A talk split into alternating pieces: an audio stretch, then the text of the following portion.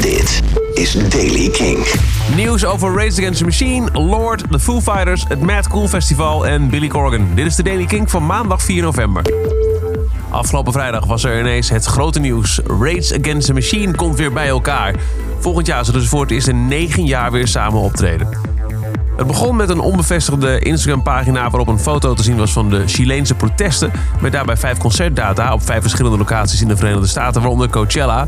Dat was genoeg voor heel veel geruchten en sensatie. En niet lang daarna kwam de officiële bevestiging van de band zelf. Rage Against the Machine is terug. Het houdt wel in dat Prophets of Rage, het project van gitarist Tom Morello samen met Be Real van Cypress Hill en Chuck D van Public Enemy, ophoudt te bestaan. Dat heeft Be Real laten weten op Instagram. It's been an honor to rock stages and people of all ages with these guys, zo schrijft hij.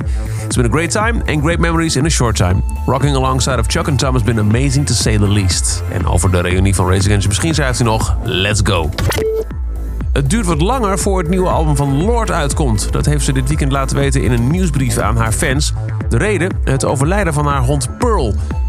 Het beestje was essentieel voor haar nieuwe album en haar inspiratie, zo laat ze weten.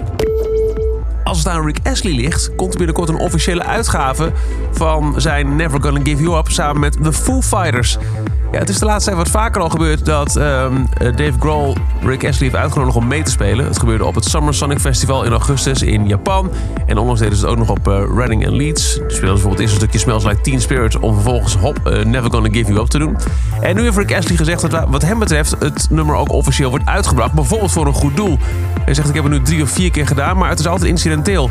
Het bestaat op dit moment alleen nog maar in een alternatief universum. En als aan Rick Astley ligt, wordt het iets meer tastbaar.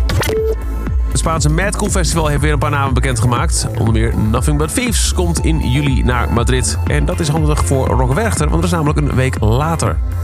Nothing But Thieves, Pale Waves en Wolf Alice zijn aangekondigd. Naast al eerder aangekondigde namen als 21 Pilots en Billie Eilish.